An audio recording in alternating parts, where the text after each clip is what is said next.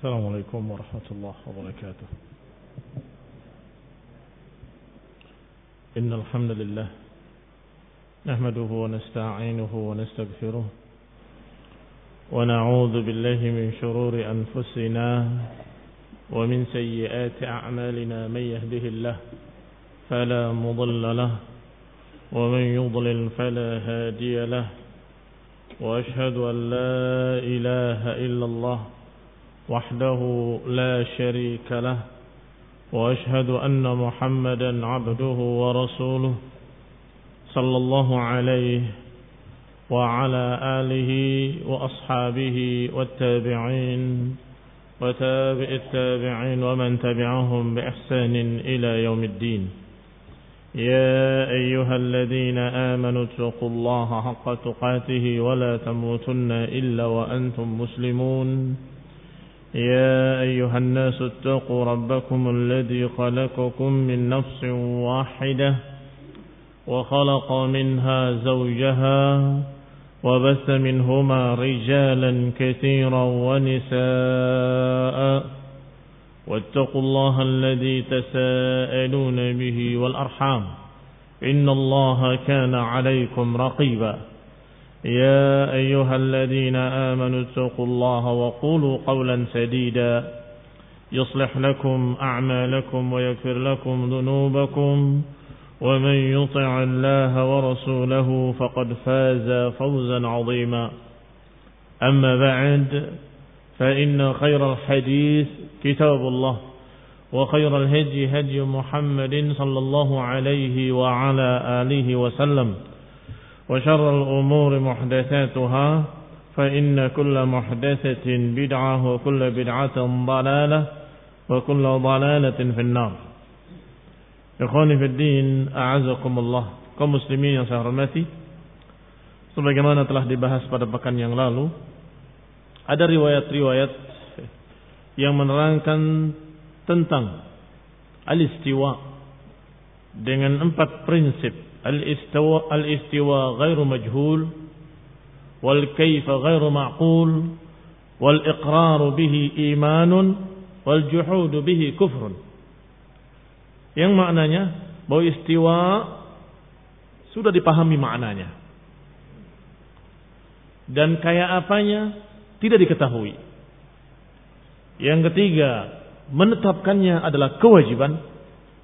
Yang keempat, menentangnya merupakan kekufuran. Diriwayatkan dengan sanadnya sampai kepada Ummu Salamah. Tetapi disebut oleh Syekh Islam Ibnu dan para ulama bahwa sanadnya tidak bisa menjadi, dijadikan sebagai sandaran. Kata Syekh Rabi hafizahullah, dibawakan oleh musannif hanya lil istinaf saja. Hanya lil istinaf. Artinya bahwa perkara itu sudah dibicarakan sejak lama dengan riwayat-riwayat walaupun sebagiannya adalah riwayat-riwayat yang lemah. Tetapi yang sahih disebutkan beberapa riwayat dari Imam Malik dan itu yang masyhur. Yang masyhur. Bahkan dikatakan sangat terkenalnya dari Imam Malik rahimahullah maka kita baca dengan sanad muallif. Qala al-muallif rahimahullah wa huwa Syekh al-Imam Abu Uthman As-Sabuni rahimahullah. Qala haddatsana Abu al-Hasan ibn Abi Ishaq al-Muzakka. Ibn al-Muzakka. Sudah diterangkan siapa dia dalam riwayat yang sebelumnya. Qala haddatsana Ahmad ibn al-Khudr Abu al-Hasan Asy-Syafi'i. Dia adalah Ahmad ibn Khudr Ibn Ahmad Abu Hasan An-Nisaburi Asy-Syafi'i. Nisabur nisbah kepada negerinya, Nisabur. Sedangkan Syafi'i nisbah kepada madhabnya, madhab Syafi'i. Agar kita tahu bahwa para ulama Syafi'iyah, termasuk penulis kita ini, adalah Syafi'iyah, dari kalangan para ulama Syafi'iyah, tetapi dalam masalah akidah sama, semua para ulama. Apakah dari madhab Hanabilah, atau dari Syafi'iyah, ataupun dari Malikiyah. Bahkan akan dinukil ucapan Imam Malik rahimahullah. Maka dikatakan oleh beliau oleh Ahmad ibn Khidr ibn Ahmad Abul Hasan, Abul Hasan An-Nisaburi Asy-Syafi'i, seorang hafid al-mujawwid al-faqih, seorang penghafal ilmu, penghafal hadis, ahli tajwid dan ahli fiqh. Min kibar ulama Nisabur.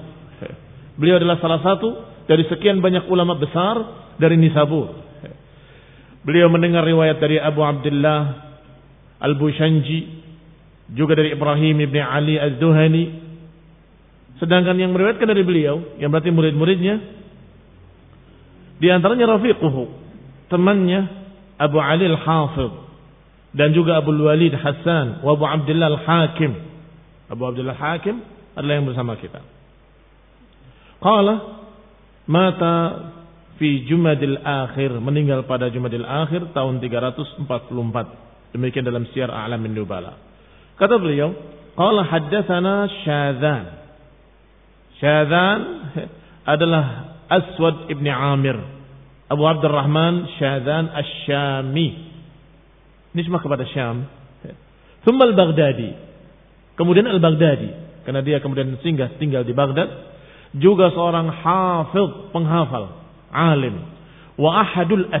Dan salah satu dari orang-orang yang sabat. Hafalannya kokoh kuat. Beliau meriwayatkan dari Sufyan al-Thawri, Masya Allah. Dari Syu'bah, dari Hisham ibn Hassan, dari orang hebat, dari orang-orang yang dikatakan sebagai imam fil hadis. Dan juga beliau mendapatkan atau dikatakan wahaddatha anhu dan yang meriwayatkan dari dia, berarti murid-muridnya adalah Imam Ahmad bin Hanbal. Masya Allah. Imam Ahmad termasuk yang meriwayatkan dari beliau. Ahmad bin Hanbal wa Ali bin Al-Madini dan Amr An-Naqid wa khalqun katsir dan lain-lainnya. Wasaqahu Ibn Al-Madini. Beliau dianggap thiqah oleh Ibn Al-Madini dan lain-lainnya. Dan beliau singgah di Baghdad, falam yazal biha dan terus tinggal di Baghdad walaupun asalnya Syami tapi tinggal di Baghdad. Karena ilmu wa ta'allum. Hingga meninggalnya beliau di awal tahun 208 Hijriah. Nah, Qala berkata Syahadan, haddatsana Ibnu Makhlad Ibnu Yazid Al-Quhustani. Disebutkan di sini namanya, tapi nggak disebutkan keadaannya.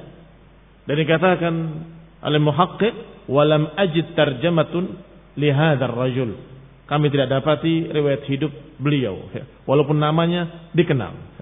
Yaitu beliau adalah seorang yang bernama Ibnu Makhlad atau disebutkan di sini dari Quhustan nisbah kepada Quhustani wa huwa nahiyat bin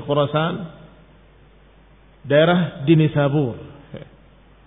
Qala yaqutul hamawi akthar min yansib hadhihi nisbah fa huwa mansub ila hadzal mawdi'. Hanya disebutkan negerinya saja.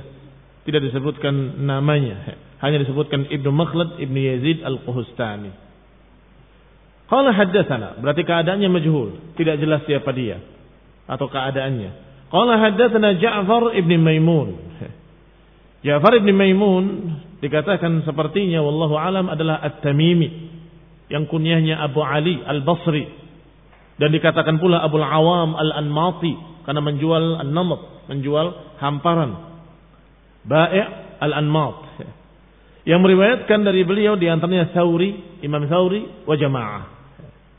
Berkata Ahmad dan Nasai, "Laisa biqawi fil hadis." Qala al-Hakim, kata al-Hakim huwa min thiqat al-Basriyin. Nanti kemudian azakumullah akan disebutkan bukan satu sanad, akan disebutkan sanad yang kedua, sanad yang ketiga yang akhirnya menguatkan satu dengan lainnya. Qala dikatakan oleh Ja'far bin Maimun, qala su'ila Malik ibni Anas. Ditanya Malik ibni Anas, tentang ucapan Ar-Rahman 'alal 'arsy istawa. Kaifa istawa? Qal dijawab oleh Imam Malik al-istiwa ghairu majhul. Wal kaif ghairu ma'qul. Wal imanu bihi wajib. Was su'alu anhu bid'ah.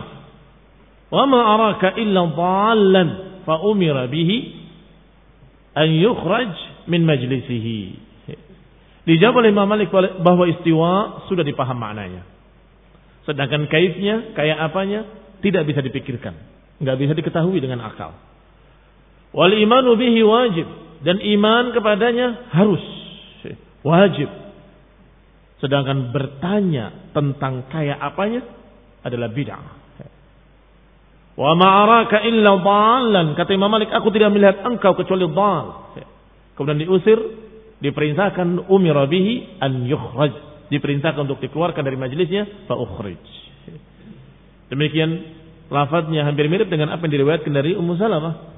Hanya saja dalam riwayat Ummu Salamah wal juhudu bihi kufrun, menentangnya kufur. Di sini nggak ada kalimat menentangnya kufur, tetapi ada kalimat wasu'alu anhu bid'ah dan bertanya tentang kayak apa, kayak apanya adalah bid'ah.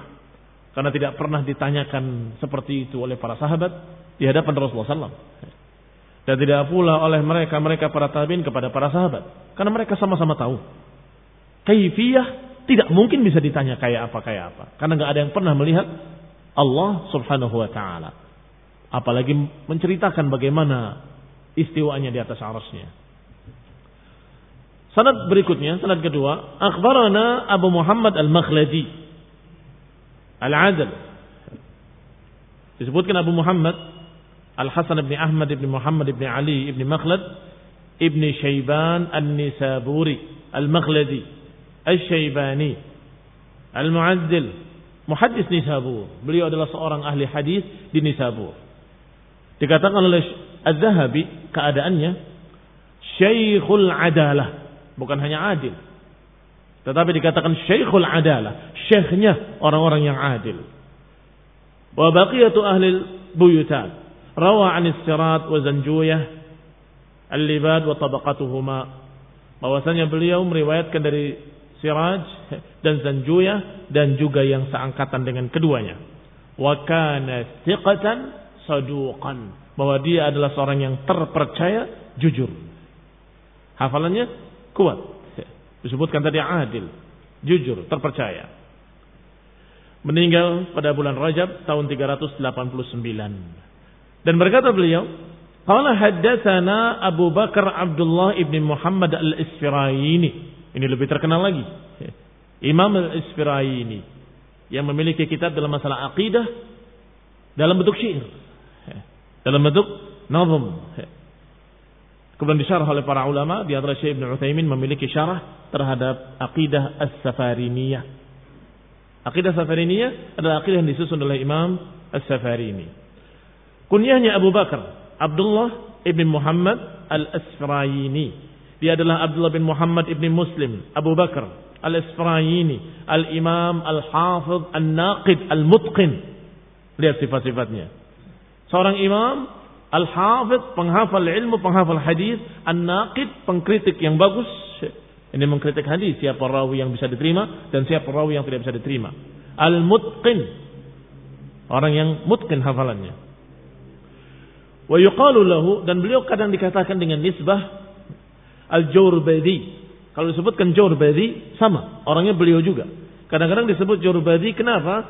Karena beliau dinisbatkan kepada desanya Jurbad, salah satu dari desa-desa Isfrain. Isfrain satu desa besar dan di dalamnya ada desa kecil. Di dalamnya ada Jurbadi. Barakallahu fik. Atau Jurbat lebih tepatnya. Karena ya-nya adalah ya nisbah. Ada Jurbat di dalamnya. Maka kadang dikatakan al-isfirai ini, kadang dikatakan dengan jurbedi. Kalau dikatakan dengan Imam Abu Bakar Abdullah bin Muhammad al-Jurbadi, maka beliau juga al-Isfirayini. Tetapi lebih dikenal dengan nisbah kepada Isfirayin. Menjadi Isfirayini rahimahullah. Disebutkan guru-gurunya. Sami Yunus ibn Abdul A'la. Dan juga Al-Hasan ibn Muhammad al-Za'farani dan juga mendengar dari Muhammad ibn Yahya ad-Duhali wa tabaqatuhum dan juga dari yang seangkatan dengannya di Mesir, di Syam, di Irak, di Hijaz, di Khurasan, dan di Rai. Barakallahu fikum. Lihat, mencari ilmu bukan di satu negeri. Beliau berangkat dari negeri ke negeri lainnya untuk mencari ilmu. Imam Al-Asfaraini mengambil ilmu dari para ulama yang seangkatan dengan apa yang disebut tadi, yang seangkatan dengan siapa-siapa yang disebut tadi di sekian negeri. Di Mesir, wa Syam, wa bil Iraq, Hijaz, wa Khurasan, wa Rai. Hadatsa anhu, adapun murid-murid yang mengambil riwayat dari beliau di antaranya Abu Abdullah Ibn Al-Akhram dan Abu Ali An-Nisaburi dan Abu Muhammad Al-Makhladi wa akharun dan lain-lainnya. Al-Hakim menceritakan tentang beliau. Qal kana minal asbab. Beliau juga termasuk al-asbab, orang yang sabit atau yang sabat yang sangat mantap dalam meriwayatkan. Al-mujawwidin al-jawwalin. Mujawwid Masya Allah, sebagaimana imam yang sebelumnya, ahli dalam bidang tajwid, dan jawwali yang selalu berkeliling mencari ilmu. Jawwal adalah yajul min baladin ila balad. Barakallahu fikum. Fi aqtaril ardi, di seluruh penjuru-penjuru dunia. Sehingga beliau mendapatkan ilmu dari sekian para imam-imam dan menyebarkan ilmu diterima riwayatnya dari sekian pula para imam-imam di sekian banyak negeri. Rawa anhu maka yang meriwayatkan dari beliau para imam-imam. Al-asbat yang meriwayatkan dari Imam al-Isfirayini adalah imam-imam yang sabit juga. Tapi kembali kepada sanad. Berkata Imam al-Isfirayini qala haddatsana Abu Husain Ali ibn al-Hasan. Dikatakan la'allahu kata muhakik sepertinya adalah Ali ibn Hasan ibn Musa ibn Maisarah al-Hilali an-Nisaburi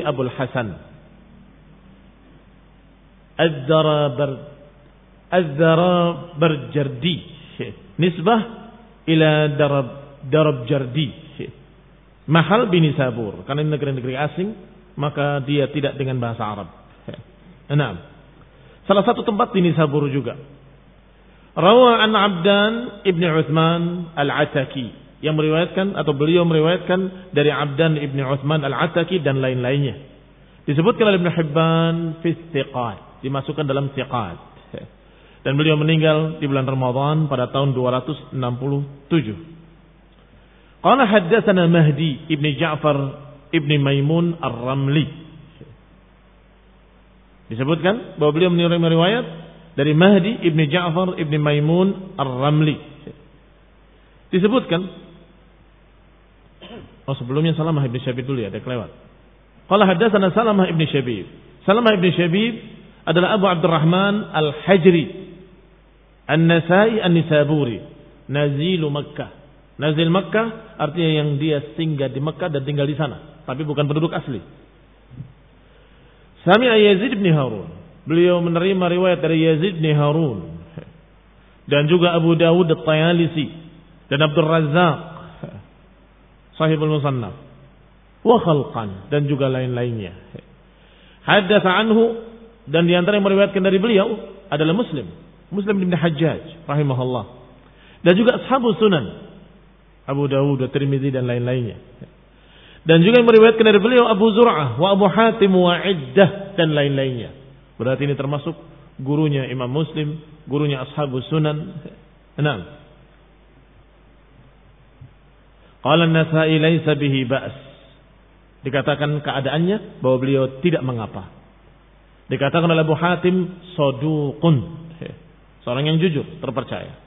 Wa al-Hakim huwa muhaddis ahli Makkah. Dia adalah ahli hadisnya Makkah. Al-muttafaq ala itqanihi yang disepakati itqannya wa sidqihi disepakati kejujurannya qala dia berkata haddatsana Mahdi menyampaikan kepadaku Mahdi Ibnu Ja'far Ibnu Maimun Khonifidina beliau adalah Mahdi Ibnu Ja'far Ar-Ramli Az-Zahid Abu Muhammad yang terkenal zuhudnya kunyahnya Abu Muhammad kadang-kadang disebutkan pula Abu Abdurrahman meriwayatkan di antaranya dari Abdullah Ibnu Mubarak Uthman ibn Sa'id ad-Darimi dan juga dari Walid ibn Muslim wa jamaah. Yang meriwayatkan dari beliau berarti murid-muridnya di antaranya, di antaranya adalah Imam Ahmad. Berarti ini gurunya Imam Ahmad rahimahullah. Dan juga Abu Zur'ah wa jamaah dan sekian banyak kelompok. Qala dikatakan oleh Imam Bukhari hadisuhu munkar. Hadisnya dikatakan menyelisih hadis yang lebih sahih. Tetapi Ibnu Ma'in justru menyatakan thiqah. La ba'sa bihi. Dia thiqah tidak mengapa hadisnya. Wa qala Ibnu Adi raw yarwi an thiqat asya'a la yutabihu 'alaiha ahad. Dia dikatakan thiqah tetapi meriwayatkan dari rawi-rawi thiqah satu perkara yang tidak diriwayatkan oleh orang lain. Ini dikatakan oleh Imam Bukhari tadi munkar. Tidak ada yang meriwayatkan seperti dia. Tapi dia meriwayatkan dari orang-orang siqat apa yang tidak diriwayatkan oleh orang lain. Ini khairan azakumullah keadaan beliau. Qadima Misr, dia tinggal di Mesir atau datang ke Mesir pada tahun 220, 225 dan kemudian meninggal di sana pada tahun 230-nya. Lima tahun kemudian beliau meninggal di Mesir. Demikian barakallahu fikum disebutkan dalam Tahdzibil Kamal dan juga dalam Tahdzib Tahdzib. Tahdhibul Kamal itu ringkasan kitab Al-Kamal. Al-Kamal fir rijal, kitab kabir, kitab sangat besar. Diringkas menjadi tahdibul kamal. Diringkas lagi menjadi tahdibut tahdib. Diringkas lagi menjadi takribut tahdib. Takribut tahdib hanya tinggal penilaiannya saja. Si fulan, ya, tiqah, fulan, daif, fulan, terpercaya, fulan, begitu saja. Nah, tapi itu penting. Ketika kita melihat rawi-rawi, kita melihat kesimpulan dari takribut tahdib bahwa dia tiqah terpercaya atau dia hadisnya hasan dan seterusnya. Enam. Qala haddatsana qala an bukan haddatsana qala an Ja'far ibn Abdullah. Qala ja'a rajulun ila Malik.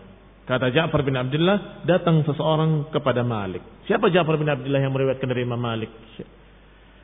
Beliau adalah Ja'far bin Abdullah ibn Hakam ibn Rafi ibn Sinan al-Ansari al-Ausi dari turunan Aus al-Madani dari Madinah Thiqatun. Beliau adalah seorang yang thiqah, terpercaya. Meriwayatkan dari Anas bin Malik dan juga dari lain-lainnya. Yang meriwayatkan dari beliau di antaranya anaknya Abdul Hamid dan Al-Lais bin Sa'ad wa jamaah. Wa qala Abu Sa'id ad-Darimi an Ja'far bin Abdullah kana min ahli al-hadis thiqah. Keadaannya disebutkan bahwa dia adalah dari kalangan ahlul hadis yang terpercaya. Silakan lihat dalam Rad al Jahmiyah lid-Darimi. Qala kata beliau, ja'a rajulun. Yang menceritakan adalah beliau ini yang memang muridnya Imam Malik dan meriwayatkan banyak dari Imam Malik. Ja'a rajulun ila Malik ibn Anas. Datang seseorang kepada Malik ibn Anas. Yani fasa'alahu. Bertanya, Ar-Rahmanu 'ala al-'arsy istawa, kaifa istawa? Ar-Rahman di atas arusnya istawa. Kaifa istawa? Bagaimana istawa? Kata beliau, kata rawi, fama ra'aitu wajada min syai'in kawujdihi min maqalatihi. Kata Ja'far bin Abdullah, sungguh aku tidak pernah melihat beliau marah seperti marahnya saat itu. Wajada kadang bermakna marah. Dan masdarnya wujud. Fama ra'aitu wajada min syai'in kawujdihi min maqalatihi. Sungguh aku nggak pernah melihat beliau marah seperti marahnya ketika mendengar kalimat itu. Kalimat kaifa istawa? Bagaimana istawa? Wa alahu rahba sehingga beliau dikuasai oleh rahba, dikuasai oleh keringat. Di keningnya keringat. Wa atraqal qaum. Qaum yang hadir semuanya tertunduk, ketakutan Ketakutan ketika melihat Imam Malik marah rahimahullah. Ya. Faja'alu yanzurun al-amr bihi fi. Mereka tertunduk sambil menunggu. Ya. Yanzurun melihat dan juga mengandung makna menunggu. Ya. Menunggu dan melihat apa yang akan dikatakan oleh Imam Malik. Kelihatan telah marah seperti itu. Thumma an Malik. Kemudian Imam Malik tersadarkan dari marahnya dan bangun mengangkat kepalanya sambil berkata, Al-kaifu ghairu ma'qul. Kayak apanya tidak bisa diketahui. Wal istiwa ghairu majhul. Sedangkan istiwa tidak majhul. Yani maklum, sudah dipaham maknanya. Wal imanu bihi wajib dan iman dengan istiwanya Allah di atas arasnya adalah wajib. Wasu'alu anhu bid'ah dan pertanyaan tentangnya, tentang kayak apanya, maka itu adalah bid'ah Wa inni la akhaf an takuna dhallan. Sungguh aku khawatir engkau adalah orang sesat. Thumma amara bihi fa ukhrij. Kemudian diperintahkan untuk dikeluarkan, diusir dari majlisnya. Khonibillah perhatikan. Ini juga riwayat yang lebih sahih daripada yang sebelumnya. Walaupun ada satu permasalahan pada Mahdi Ibn Ja'far Ramli. Walaupun dikatakan Ibn Ma'in, tiqatan la ba'sa, thiqatun la ba'sa bihi. Ada riwayat yang berikutnya Akhbarana jaddi Abu Hamid Ahmad ibn Ismail an jaddi walidi asy-syahid wa huwa Abu Abdullah Muhammad ibn Ad, ibn Adi ibn Hamduya as-Sabuni. Qala haddatsana Muhammad ibn Ahmad ibn Abi Aun an-Nisawi qala haddatsana Salamah ibn Shibib qala haddatsana Mahdi ibn Ja'far ar-Ramli qala haddatsana Ja'far ibn Abdullah. Qala disebutkan sanadnya sampai kepada orang yang sama Ja'far ibn Abdullah yang paling mengetahui tentang Imam Malik rahimahullah. Qala ja'a rajulun ila Malik ibn Anas. Datang seseorang kepada Malik ibn Anas. Ya Aba Abdullah. Wahai Aba Abdullah. Ar-Rahmanu ala al-arsi istawa. Kaifa istawa? Qala fama ra'ayna. Malikan wajada min syai'in kawujdihi min maqalatihi Sungguh kata Ja'far. Enam. Ja'far bin Abdullah. Aku nggak melihat, nggak pernah melihat Imam Malik marah seperti marahnya ketika mendengar pertanyaan itu. Dan kemudian disebutkan selanjutnya sama dengan yang sebelumnya, hanya beda sanadnya saja. Disebutkan suila Abu Ali ibn al-Husain al-Fadli al-Bajali Disebutkan beberapa riwayat dari Imam Malik rahimahullah dan disebutkan ucapannya satu persatu hampir sama semuanya lafaz-lafaznya bahwa Imam Malik rahimahullah marah dengan pertanyaan yang seperti itu. Dan ini ada catatan dari Syekh Rabi. Hafizahullah. Bahwa al-ulama qarraru para ulama menetapkan bahwasanya kalau ada seseorang yang bertanya dengan soal al-mustarsyid dengan pertanyaan minta bimbingan yujab. Ya, dijawab. Ya. kalau ada seorang bertanya tapi karena pertanyaannya minta bimbingan maka yujabu anhu. Maka dijawab pertanyaannya. Tetapi kalau ada pertanyaan karena muta'annitan. Kalau pertanyaannya pertanyaan muta'annit pertanyaan ta'annut soal ta'annut adalah soal pertanyaan mengingkari Kayak apa itu istiwa? Masa Allah istiwa di atas arus? Gimana itu? Ini bukan pertanyaan. Tetapi pengingkaran. Dia nggak percaya bahwa Allah di atas arusnya. Sehingga dia bertanya. Bertanyanya mengandung pengingkaran. Gimana itu? Istiwa di atas arus kayak apa itu istiwanya Allah? Ini yang membuat Imam Malik marah. Fikum. Sehingga harus dibedakan. Dua pertanyaan. Soalul mustarsyid dan soal mu'annid atau mujadil. Pertanyaan seorang yang ingin mendebat atau pertanyaan seorang yang mengingkari. Fahada la yujabu bal yuhan. Pertanyaan yang kedua, yang mu'annid atau muta'annid yang memang menentang, maka enggak perlu dijawab. Enggak perlu dijawab. Imma diusir atau yuhan, dihinakan. Diriwayatkan Imam Malik marah Diriwayatkan pula beberapa ulama marah. Bahkan diriwayatkan Rasulullah SAW melihat ada sahabat yang berdebat dalam masalah takdir. Beliau marah. Aku tidak diutus untuk itu. Dan kalian tidak disuruh untuk memperdebatkan. Marah besar Rasulullah SAW. Ketika ada yang memperdebatkan masalah qadha wal qadar. Sehingga barakallahu fikum harus dilihat keadaannya. Kalau ada orang yang bertanya dengan satu pertanyaan, terlihat tanda-tandanya dari orangnya dan dari model pertanyaannya dan dari apa yang ditanyakan. Orangnya misalnya seorang ahli bid'ah. Ya. Tutup telinga kalian, diam. Ya. Pergi kamu atau saya yang pergi. Ya. Lo saya nanya, saya nggak dengar pertanyaan kamu. Kenapa? Karena kita tahu orang ini bertanya ingin berdebat. Jangan diurusi orang yang seperti ini. Juga dilihat yang ditanyakan. Ya. Kalau ditanyakan adalah perkara-perkara yang memang bisa dijawab, wajar. Tetapi kalau bertanya tentang kayak apa tangan Allah, kayak apa e, istiwanya Allah, kayak apa, bagaimana mungkin bisa dijawab?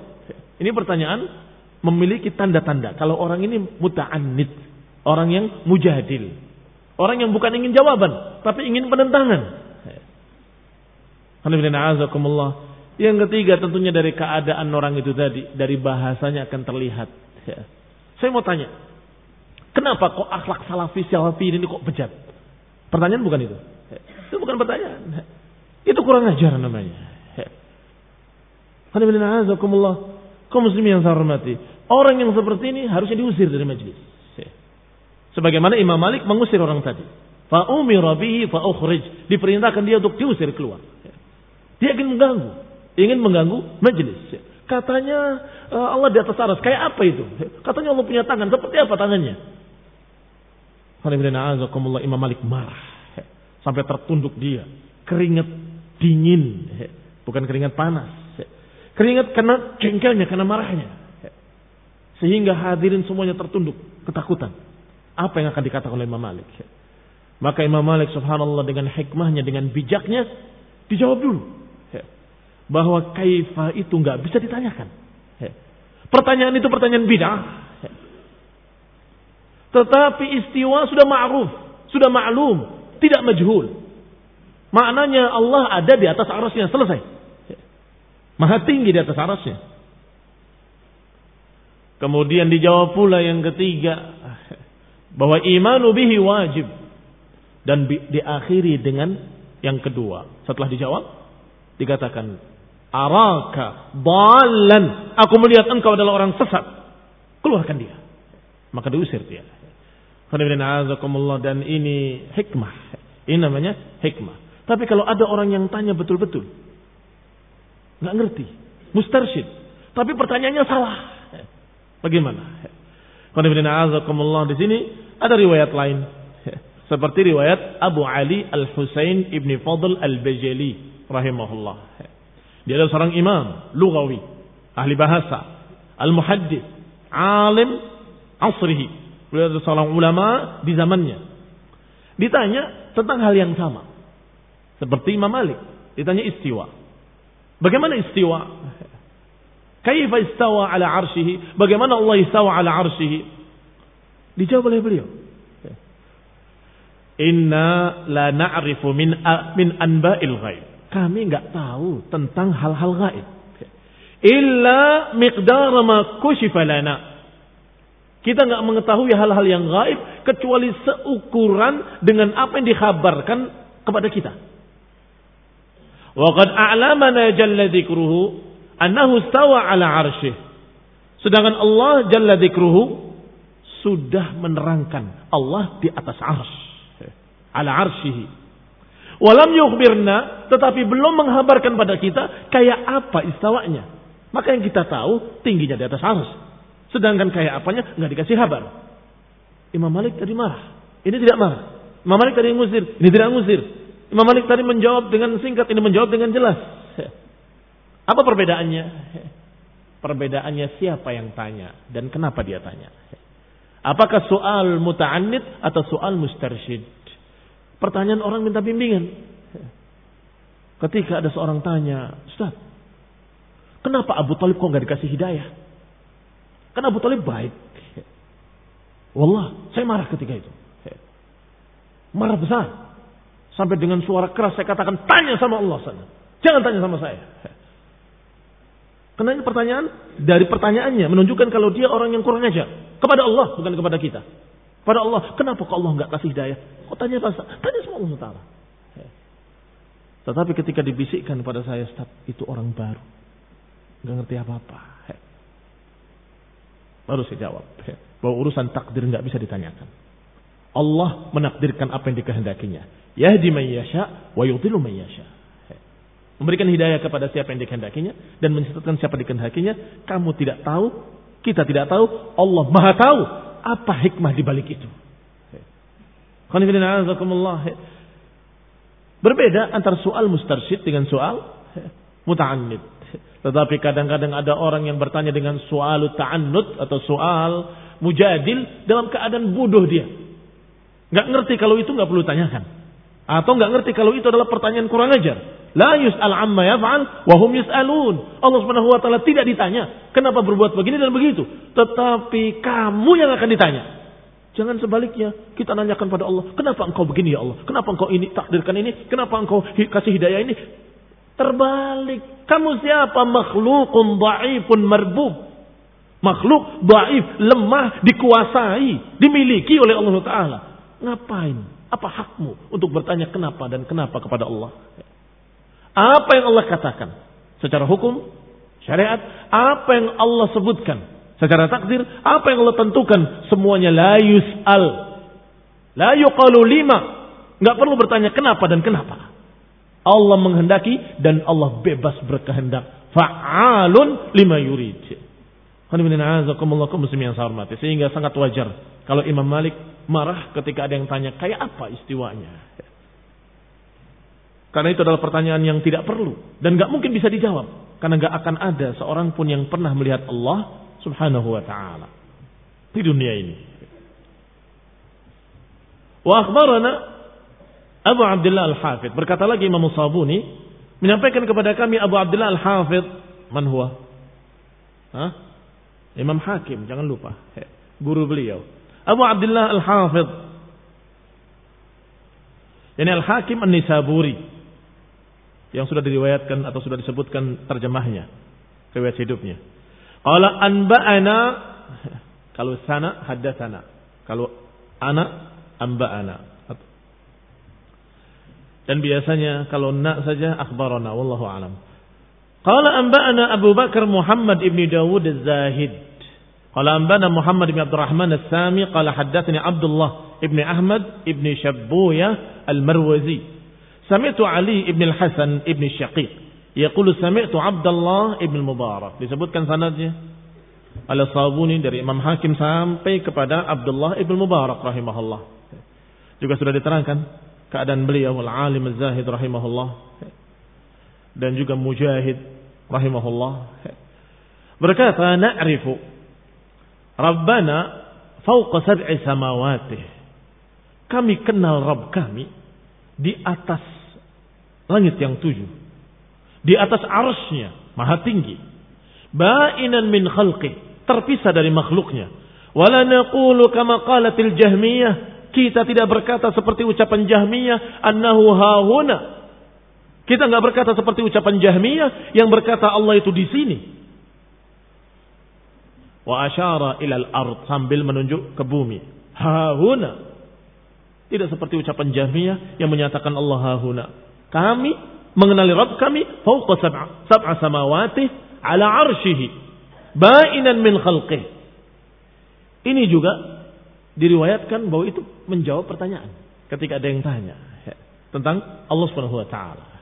Bagaimana kita mengenali Allah Subhanahu wa taala? Dijawab mengenali kita mengenali Allah bahwa Allah Maha tinggi di atas tujuh lapis langitnya, di atas arusnya Maha tinggi. Terpisah dari makhluknya. Kita tidak berkata seperti ucapan Jahmiyah bahwa Allah itu di sini.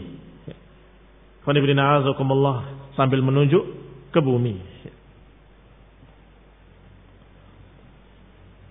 Sebagiannya sudah disebutkan keadaan-keadaannya, rawi-rawinya. Ada satu Ali ibn Hasan ibn Syaqiq ibn Dinar.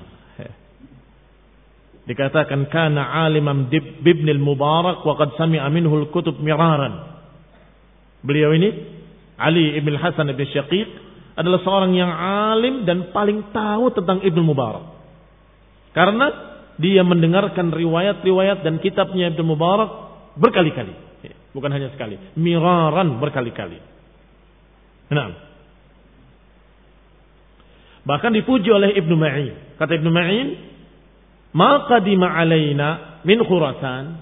Enggak ada yang datang kepada kami dari Khurasan yang lebih afdal dari dia. Enggak ada yang lebih afdal dari beliau. Berarti beliau yang paling afdalnya yaitu Ali ibn Hasan ibn Syaqiq. Khonibina Azzaqullah disebutkan dengan sekian banyak jalan dari Ibnu Mubarak sampai-sampai Ibnu Qayyim berkata rahimahullah an qaul Ibnu Mubarak. Ibnu Qayyim berkata tentang ucapan Ibnu Mubarak tadi. Qala wa qad sahha anhu sahhatan qaribah minat tawatur. Telah sahih riwayatnya. Dengan kesahihan yang hampir bisa dikatakan mutawatir. Dari Ibnu Mubarak. Bahwa Ibnu Mubarak berkata, Na'rifu Rabbana fawqa sab'a samawatihi ala arshihi istawa ba'inun min khalqih. Ba'inan min khalqih. Sudah ma'ruf riwayatnya, sahihnya, bahkan hampir mutawatir kata Ibnu Qayyim bahwa Ibnu Mubarak berkata kami kenal Rabb kami di atas tujuh lapis langitnya, di atas arusnya maha tinggi dan terpisah dari makhluknya. tidak menyatu dengan makhluk. Didukil oleh Ibnu Qayyim ucapan ini di dalam kitabnya Ijtima' Juyus Al-Islamiyah. Disebutkan lagi sanadnya, qala sami'tul Hakim Abu Abdullah dalam kitab Tarikh yang dikumpulkan yang ditulis untuk penduduk Nisabur. Dalam kitab Ma'rifatul Hadis juga alladaini jama'ahuma yang dua kitab itu dikumpulkan oleh beliau ditulis untuk ahli Nisabur lam yusbaq ila mithlihima. Dipuji oleh muridnya oleh Imam Musawuni bahwa bukunya Imam Hakim dua ini tarikh dan ma'rifatul hadis tidak pernah aku melihat buku yang seperti itu.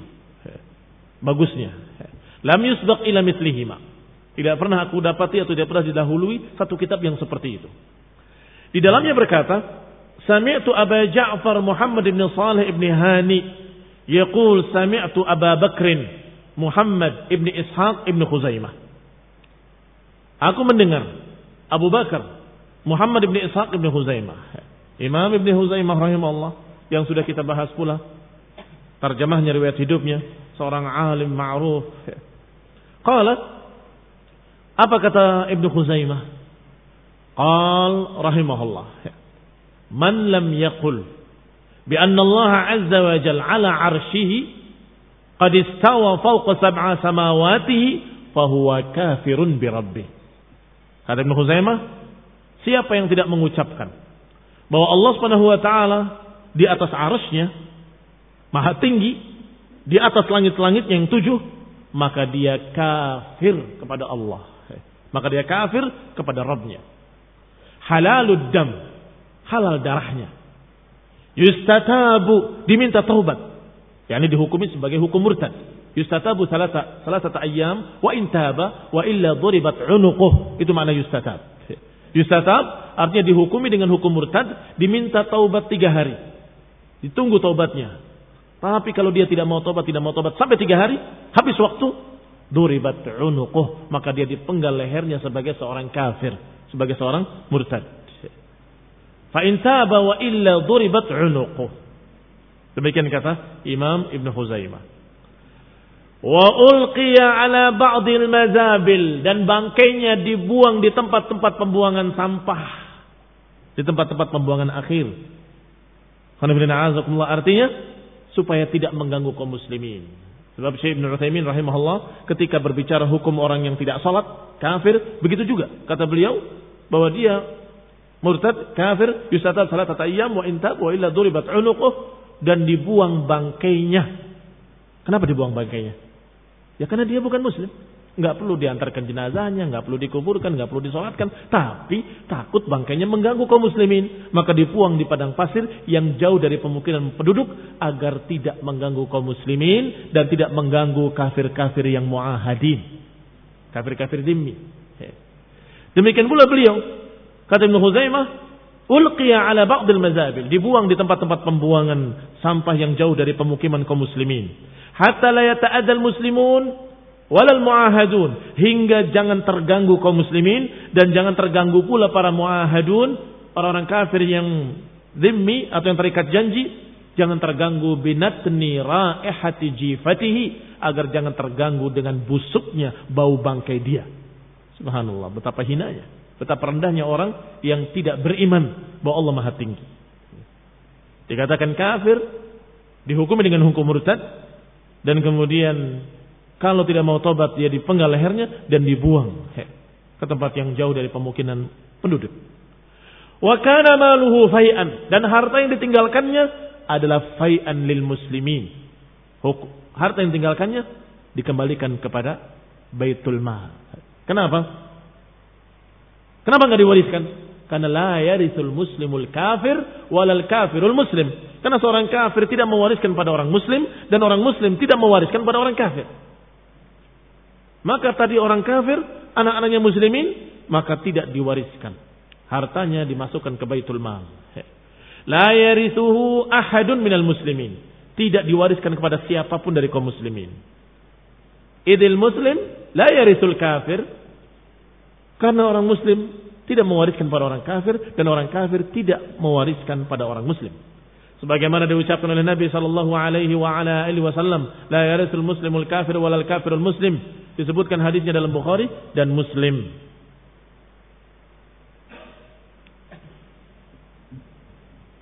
Wa imamuna dan imam kami kata Imam Musabuni. Siapa imam beliau? Hah? Imam Syafi'i. Karena beliau asy-Syafi'i. Beliau madhabnya madhab Syafi'i. Wa imamuna kata Imam Musabuni. Dan imam kami Abu Abdullah Muhammad ibni Idris asy-Syafi'i rahimahullah. Bahkan beliau mendoakannya dengan lebih dari itu. Radhiyallahu anhu. Kata Imam Musabuni. Wa imamuna Abu Abdullah Muhammad bin Idris Syafi'i radhiyallahu anhu ihtajja fi kitabih al-mabsut. Beliau berhujjah dengan kitabnya Al-Mabsut tetapi disebutkan juga dalam kitabnya Al-Um. Kitab Imam Syafi'i yang paling besar adalah Al-Um. Dalam masalah i'taqur raqabah ketika membahas masalah memerdekakan budak sebagai kafarah membebaskan budak sebagai kafarah, sebagai tebusan. Kita baca secara ringkas saja, kita akan baca ulang insya Allah pada kali mendatang karena waktunya sudah mepet barakallahu fikum. Bahwasanya disebutkan dalam riwayat tersebut tentang memerdekakan budak sebagai tebusan. Ada seorang sahabat diriwayatkan oleh Imam Syafi'i. Ada seorang sahabat yang sampai memukul budaknya, menempelengnya dan kemudian menyesal. Ya Rasulullah, bagaimana? Aku ingin memerdekakan budakku. Sedangkan tidak boleh memerdekakan budak kalau dalam keadaan dia tidak muslim. Kalau kafir lebih aman dia sebagai budak. Baik, maka sebutkan bersekian kali dalam ayat atau hadis i'taqu raqabatin mu'minah. Mesti ada kalimat mu'minah, raqabatin mu'minah. Memerdekakan budak yang muslim, memerdekakan budak yang muslim. Maka ketika mau dimerdekakan kata Nabi panggil dulu ke sini. Dipanggil jariah tadi. Ditanya kepadanya, Aina Allah? Di mana Allah? Maka budak tadi menunjuk ke langit dan menyatakan fis sama di langit. Man ana? Siapa aku? Dijawab oleh budak tadi, engkau utusan yang di sana, utusan yang di langit. Maka Nabi berkata, "I'tiqha fa innaha mu'minah." Merdekakanlah. Karena ini budak mukminah. Berarti Rasulullah SAW menghukumi anak ini sebagai mukminah ketika dia mempersaksikan bahwa Allah fis sama. Kalau ditanyakan pada mereka orang-orang Jahmiyah atau Mu'tazilah atau Asy'ariyah, "Aina Allah?" Enggak ada yang dimerdekakan. Budak ya tetap. Kenapa jawabannya di mana-mana? Aina Allah? Di mana Allah? Di mana-mana. Atau malah marah. Aina Allah? Allah kok ditanya di mana? Allah tidak di mana-mana. Astagfirullah. Apakah hadis ini salah yang dibawakan oleh Imam Syafi'i rahimahullah? Hadis sahih. Akan dibahas insyaallah kesahihannya dalam kajian atau dalam kajian berikutnya insyaallah باذن taala. Subhanakallahumma bihamdik asyhadu an la ilaha illa anta astaghfiruka wa atubu ilaik. Wassalamualaikum warahmatullahi wabarakatuh.